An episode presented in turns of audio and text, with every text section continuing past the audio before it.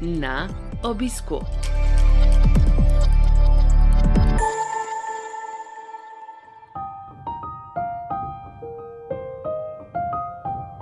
Dobrodošli v novi epizodi serije podkastov na obisku, ki nastaja v produkciji Slovenskega združenja bolnikov z limfomom in leukemijo.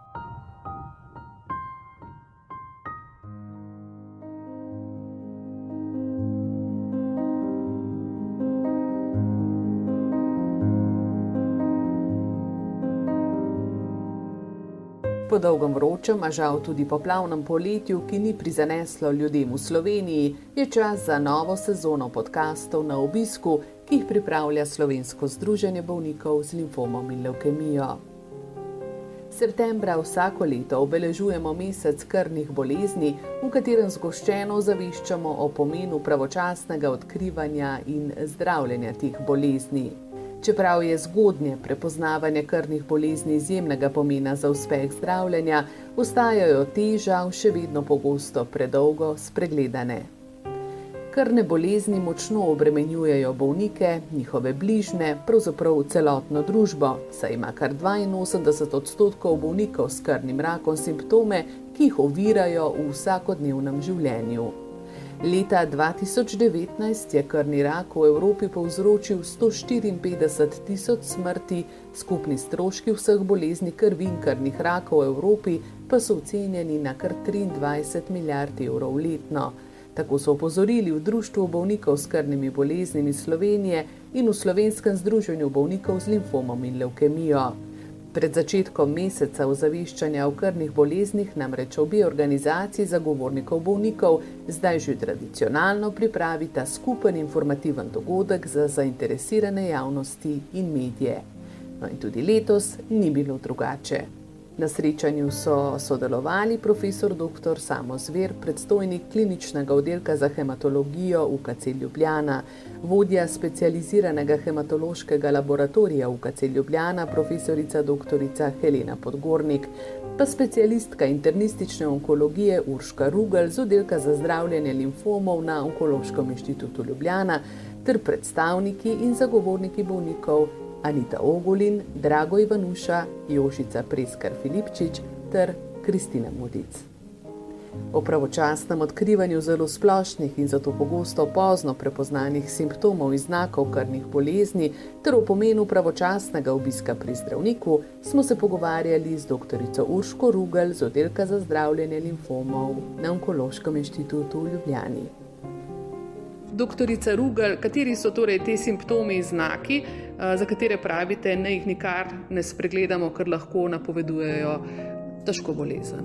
To so tudi povsem specifični simptomi, kot so utrujenost, ki ni povezana z večjim telesnim naporom, ampak že o vsakdanjih upravilih, vročina, ki se pojavlja neodvisno od okužb. Potem je tukaj nočno potenje, da se moramo večkrat na noč preobleči, in pa hujšanje več kot 10% telesne teže v pol leta. In seveda so tu potem še tiste povečane bezgavke, ki ne minejo po prebolevanju herpesa, rane na roki in podobnih eh, bolezni, lokalnih. Rekli ste, kar se tiče znakov in simptomov, da je v resnici sreča v nesreči, če se bolezen najavi s kakšno povečano bezgavko, da se lahko tudi veliko bolj zahrbno in nejasno napove.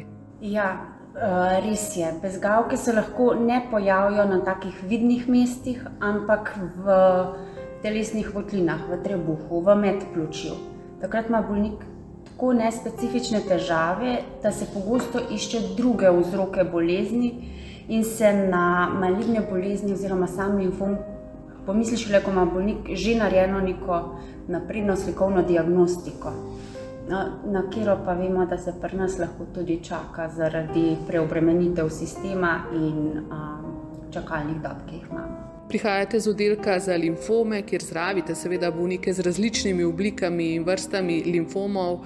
Zakaj je prav za limfome tako zelo pomembno, da so odkriti čim prej, da začnete zdravljenjem čim prej? Kaj to pomeni lahko za bolnika? Pri agresivnih boleznih to sigurno pomeni hitreje, ko ga najdemo, hitreje lahko začnemo zdraviti. Manjši obseg bolezni, boljši so izhodi zdravljenja. In pa seveda na začetku bolezni je bolnik tudi še v dobri splošni kondiciji. Če bolnik pride v kasnejši fazi, ko je že močno shujšal, ko je njegov imunski sistem že res močno oslabljen, um, takrat je zdravljenje tudi teže prenašati. Občasno ga moramo tudi prilagoditi, ker standardno zdravljenje bi bilo preveč toksično za njega. Potem imamo pa tukaj še uh, nizko maligne limfome, ki pa v resnici, kot je že profesor Zver rekel, to imaš in čez pol leta rabiš naslednjo kontrolo. Um, pri teh bolnikih je pa vseeno pomembno, da ko izvejo, da imajo maligno bolezen, da naredimo vso diagnostiko in se z njimi pogovorimo. Rečemo, imate limfom, ki je kronična bolezen, nič ne bomo naredili. Bolniku je treba razložiti, zakaj ne potrebuje zdravljenja. In če tudi se izkaže, ko dajo vso diagnostiko ljudi skozi, a ne, seveda pod vašim vodenjem, da tudi če je diagnoza neugodna, je denimo limfom ali druga oblika krvnega raka, to ne pomeni konec sveta. Da kljub teži te bolezni, ki je ni moč zanikati, vendarle se bolezni uprijema tudi neupravičena stigma.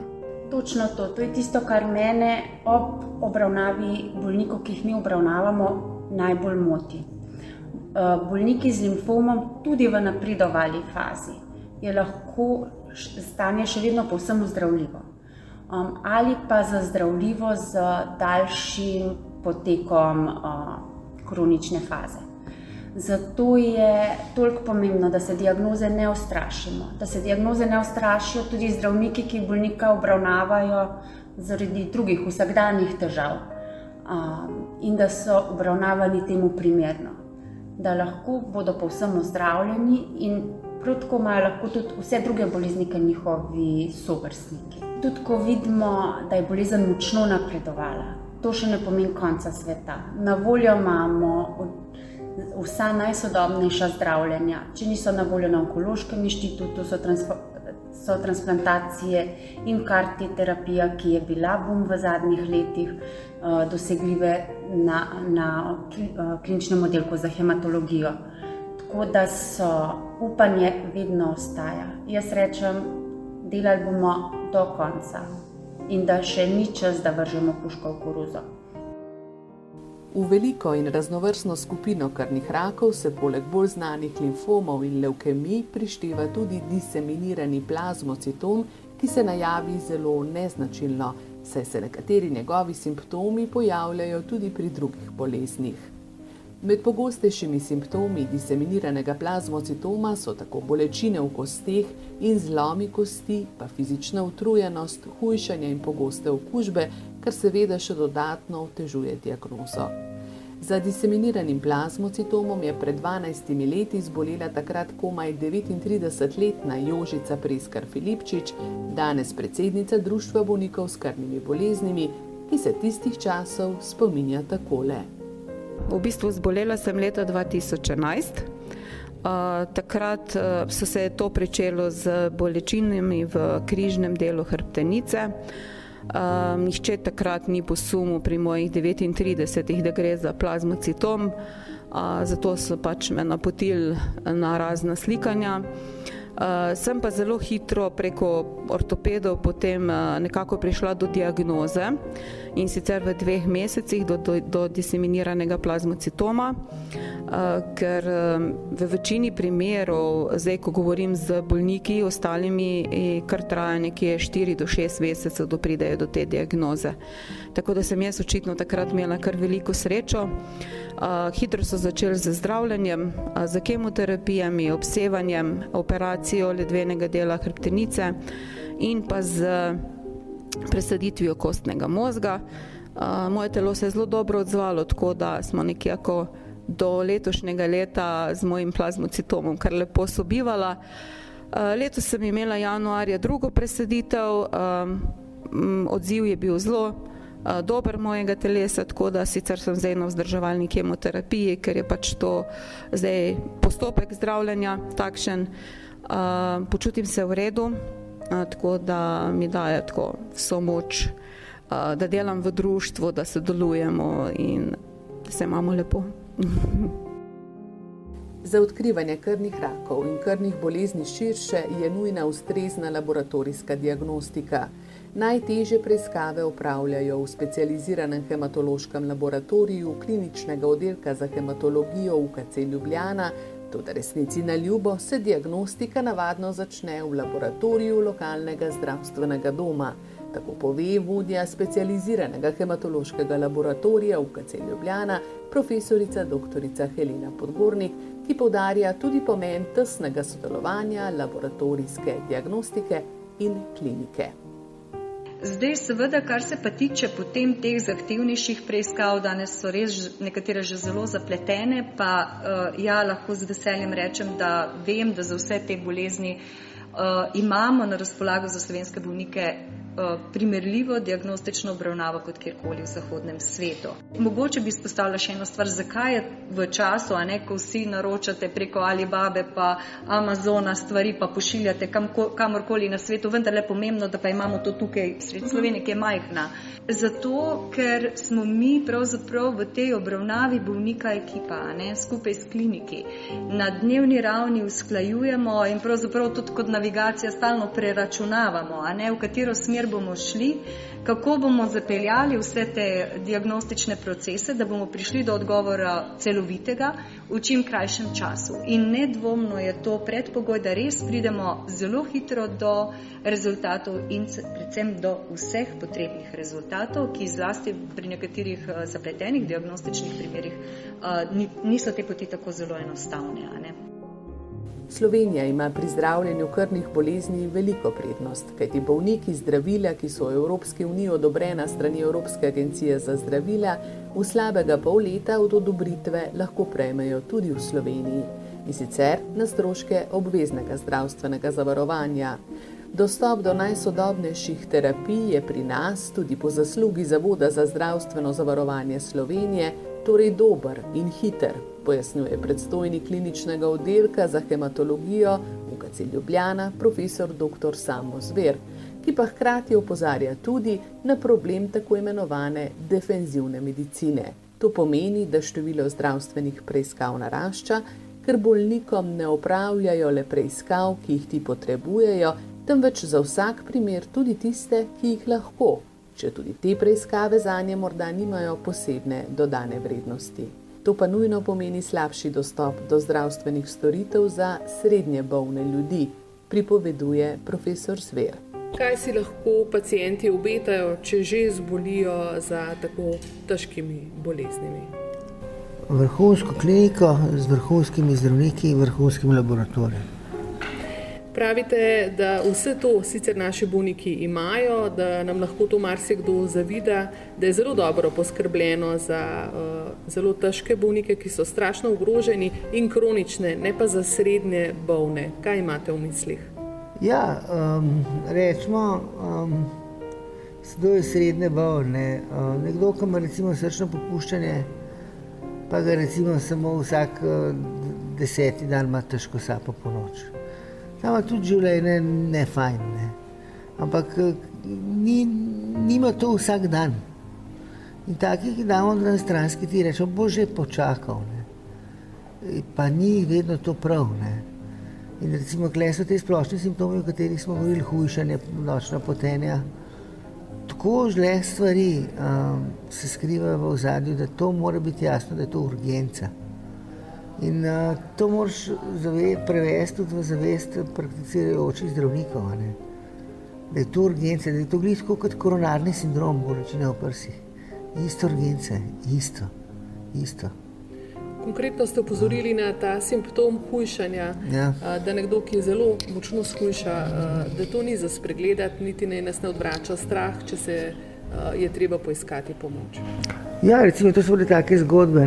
Recimo, sem dolgo časa delal na internistični prvi pomoči, prvo kot zdravnik, pol kot nadzorni zdravnik. In tam ni, ni bilo nikoli postelj za sprejet. Ne. Pa je prišel en tak, ki je hujšal, se je rekel, bo pa še tri dni doma, pa se ga dal domov. Danes ga ne bi dal nikoli. Ker če on prije, če ga jaz sprejemem, v bolnici ga bo nekdo pogledal. Tudi če bo neprijazen, ga bo pogledal, pa nekaj najdu. Če ga pa ne sprejemem, pa vprašanje, če ga bom še kdaj videl v bolnici. To je ta pamet. Ja. tako in izkušnje. Uh, upozarjali ste vsi skupaj tudi na to neenako obravnavo bolnikov, glede na to, iz katere regije prihajajo. Lejte, tako da malo karikiram. Uh, jaz, jaz sem v Piranu eno stanovanje, sem si uspel kupiti. Pa mi vsi pravijo, ljubljančan, ne, pa, pa, pa, pa kao, ne, kaj si tujc, pa forešt, pa tako naprej. Ampak gre pa za zdravje, pa vsi v Ljubljano. Pa dajmo biti tako lokal patrioti, ne. Me je zaupanje tudi v svoje zdravnike, ne samo dvome v meni, tako da karikiram, ne. Vse jih tudi razumem uh, marsikoga, da misli, da je v Ljubljani ne vem kaj, ampak tudi na periferiji ni slabo. Ljudje se trudijo, vprašajo, verjamem, da lahko, da si nezadovoljen. Pa takrat vedno lahko priješ do nas, ni noben problem.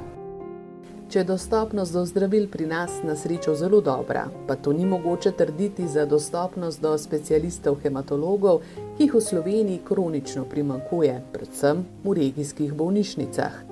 Kristina Modic, izvršna direktorica Slovenskega združenja bolnikov z limfomom in leukemijo, ocenjuje, da je potrebno v prihodnje skupnimi močmi najti trajnejšo rešitev, ki bo ustrezna tako za bolnike kot za zdravstvene delavce, predvsem pa bo bolnikom zagotavljala nesporno varno in enako dostopno zdravstveno obravnavo, ne glede na predel države, v katerem se zdravijo.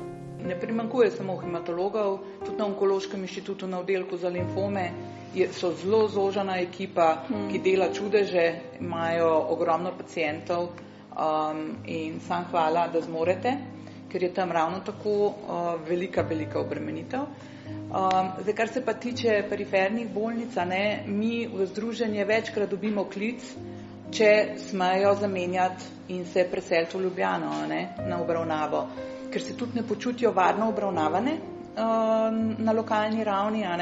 Um, naprimer, imajo pregled, potem pa ima nek zaplet doma in ni nikogar na drugi strani, ker pač takrat ravno hematologa iz Ljubljane ni tam. Um, mi v združenju menimo, da to ni varna obravnava, da je treba res, kot je profesor Zver rekel, neko strategijo narediti kajti vsak bolnik iz cele Slovenije ima pravico biti enakovredno obravnavan, varno in kakovostno. Uh, to zdaj sigurno pač ni mogoče, um, in zato imate strokovnjaki vso našo podporo, kadar um, jo potrebujete.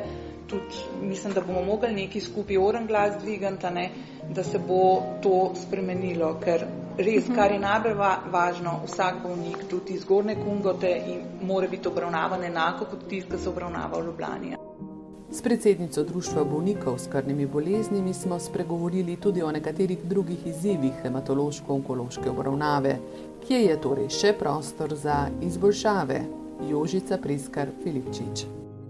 Je v bistvu tako, no, kot predsednica in tudi kot osebno sem mnenja, da že kot bolniki, ko se soočamo z simptomi, ne več biti strah se soočati z tem in čakati z obiskom osebnega zdravnika. To je v prvi fazi. Je pač potrebno iti, se s tem soočiti in nekako potem, če zmoremo mi, zmorete tudi vi.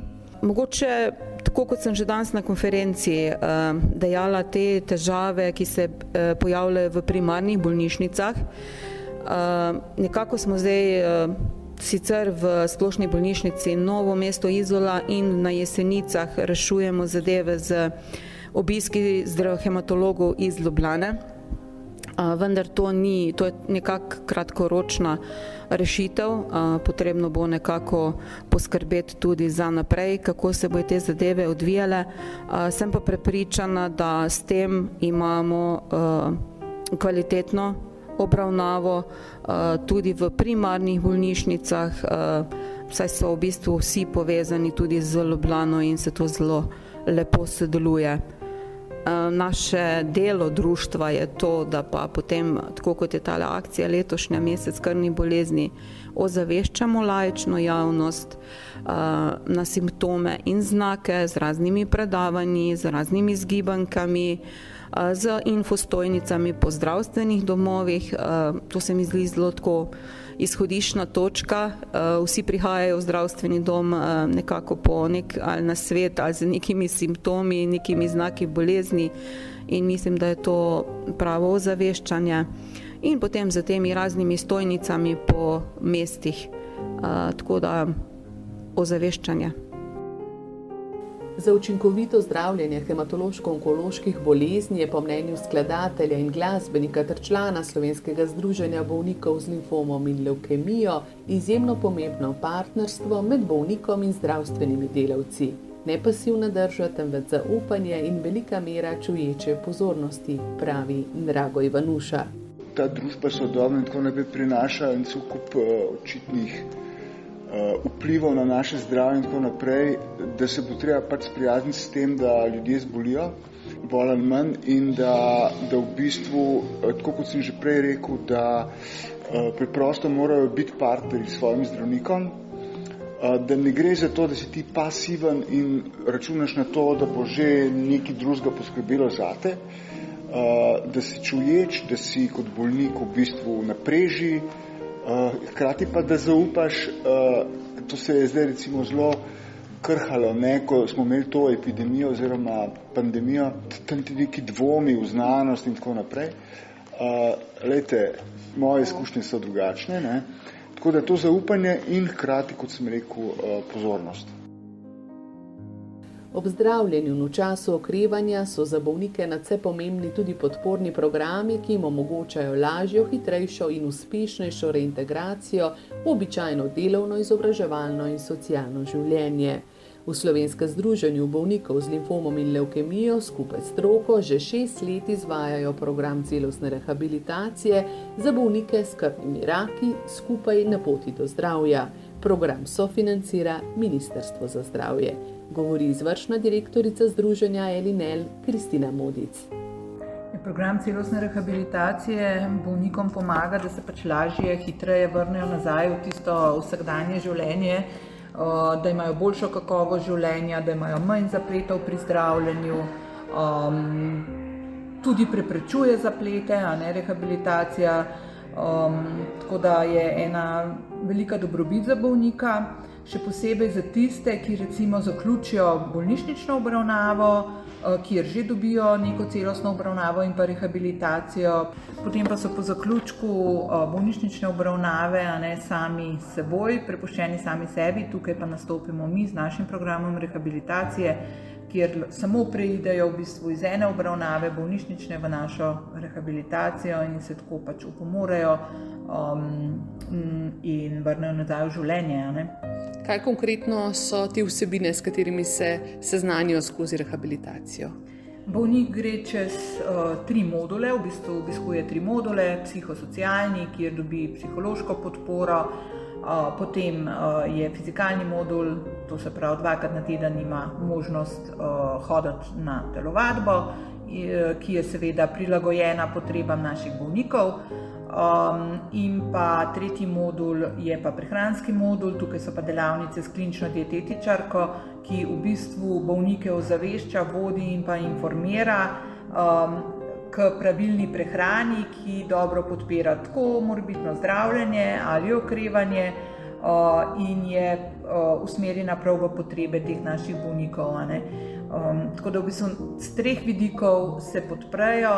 Um, Še en pomemben vidik pa je, da ta naša celostna rehabilitacija v bistvu tudi združuje bolnike, vidijo se, so skupnost, ki se med seboj podpira, med sabo postanejo tudi prijatelji, se spodbujajo in to je tudi ena taka velika dodana vrednost. Eh, vsako leto se zdaj že tradicionalno mesec boja proti krvnim rakom in krvnim boleznim širše začenja pravzaprav z opozarjanjem na znake, na simptome. Eh, kaj kažejo izkušnje v združenju, izkušnje bolnikov, eh, je še vedno problem pravočasno prepoznavanje teh sprememb, ki nakazujejo lahko na krvnega raka.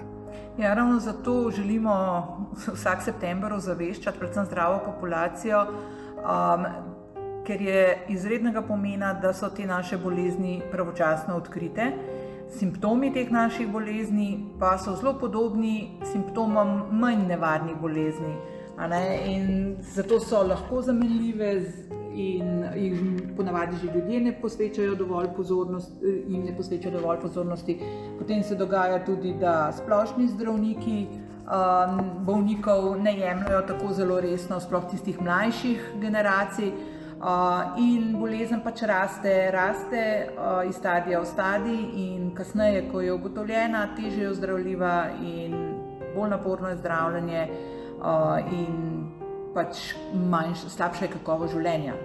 Omenjali ste mlajšo generacijo, vemo, nekatere oblike limfoma so tiste, ki zelo pogosto prizadanejo prav mlade in v združenju se to jesen posvečate posebej tej skupini bolnikov, torej mladih bolnikov s krvnimi raki, zakaj je pomembno, da imajo oni eh, prilagojene podporne programe, ne prilagojene, temveč namenjene prunim.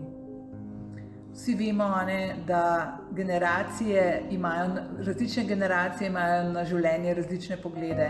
In enako je tudi pri naših bolnikih. Eh, starejše generacije imajo svoje specifične potrebe, mlajše generacije pa svoje specifične potrebe. In težko je vse um, skupaj združiti v en podporni program. Uh, to smo ugotovili um, skupaj z našimi mladimi članicami in člani. Uh, in zdaj uh, želimo na ta način, uh, tudi s to zaveščevalno kampanjo septembra, spodbuditi še ostale mlade bolnike z izkušnjo krvnega raka, da se nam pridružijo, da bi skupaj nekako uspeli pripraviti čim bolj kakovostne podporne programe, ki bodo podprli to mlajšo generacijo bolnikov tam, kjer najbolj potrebujejo pomoč. V septembru se bodo sicer zvrstili številni zanimivi dogodki, s katerimi obe organizaciji bolnikov javnost ozaveščata o pomenu zgodne prepoznave in zdravljenja krvnih bolezni.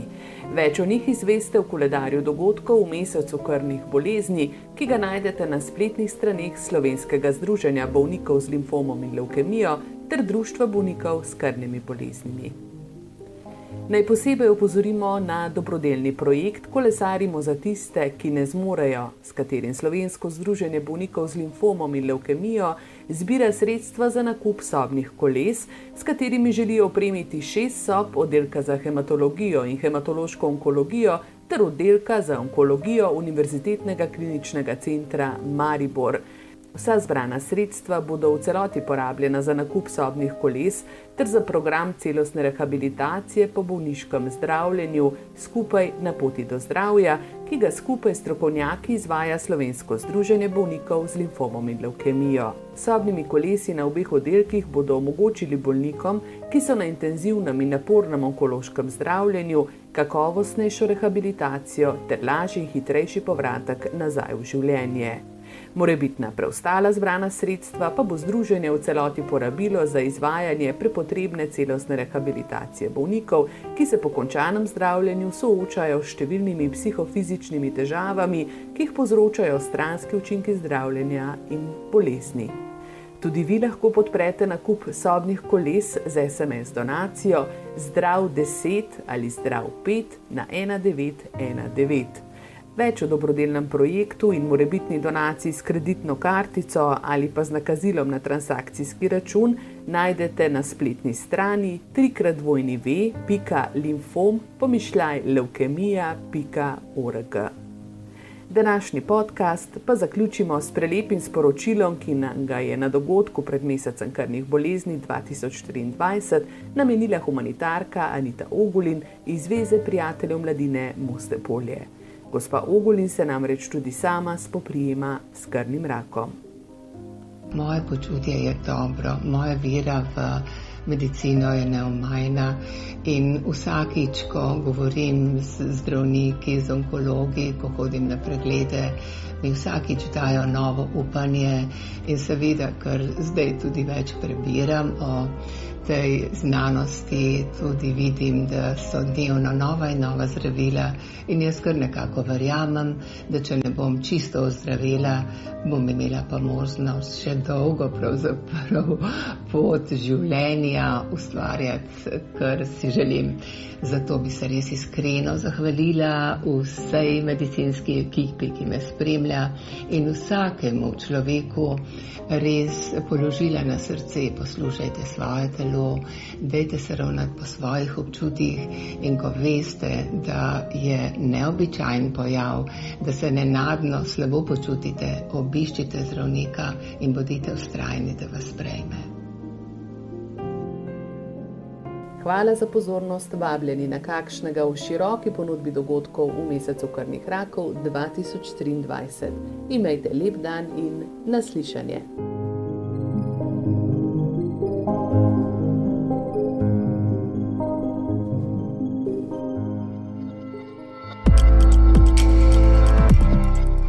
Na obisku.